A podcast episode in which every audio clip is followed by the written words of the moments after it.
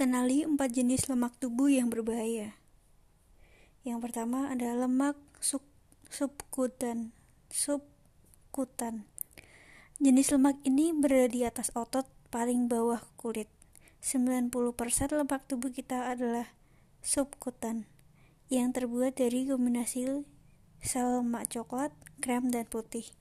Jenis lemak ini dapat dengan mudah terjepit dengan perut, paha, dan bokong.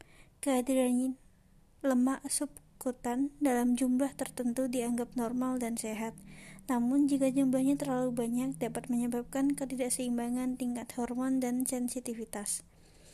Yang kedua ada lemak visceral. Di antara semua jenis lemak dasar, lemak visceral adalah jenis lemak yang paling berbahaya yang terakumulasi dalam tubuh. Jenis lemak ini berada jauh di daerah perut mengelilingi organ-organ seperti ginjal, usus, jantung, dan lain-lain. Itu sebabnya ia juga dikenal sebagai lemak perut. Terlalu banyak lemak visceral di perut seseorang dapat menyebabkan peningkatan risiko diabetes, penyakit jantung, stroke, penyakit arteri, dan beberapa jenis kanker. Jenis lemak ini tidak dapat disentuh karena berada jauh di bawah jaringan dan hanya dapat dirasakan.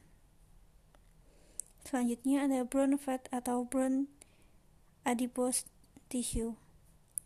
Brown fat banyak ditemukan pada bayi.